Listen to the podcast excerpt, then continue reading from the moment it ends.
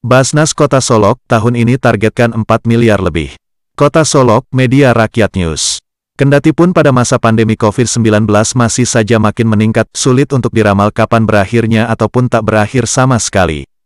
Namun, penerimaan zakat di Basnas Kota Solok, Sumatera Barat masih berjalan lancar seperti biasa dan tidak terpengaruh sama sekali, kata Ketua Basnas Kota Solok Kompol Purnawirawan Zaini, di kantornya di Simpang Rumbio, kota setempat tanggal 15 September tahun 2020.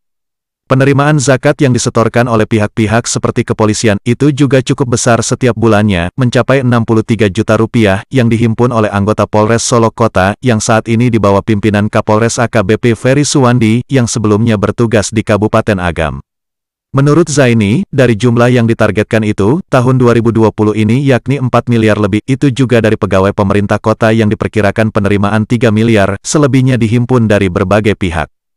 Zaini menjelaskan, walaupun kondisi pandemi COVID-19, namun penerimaan tetap lancar.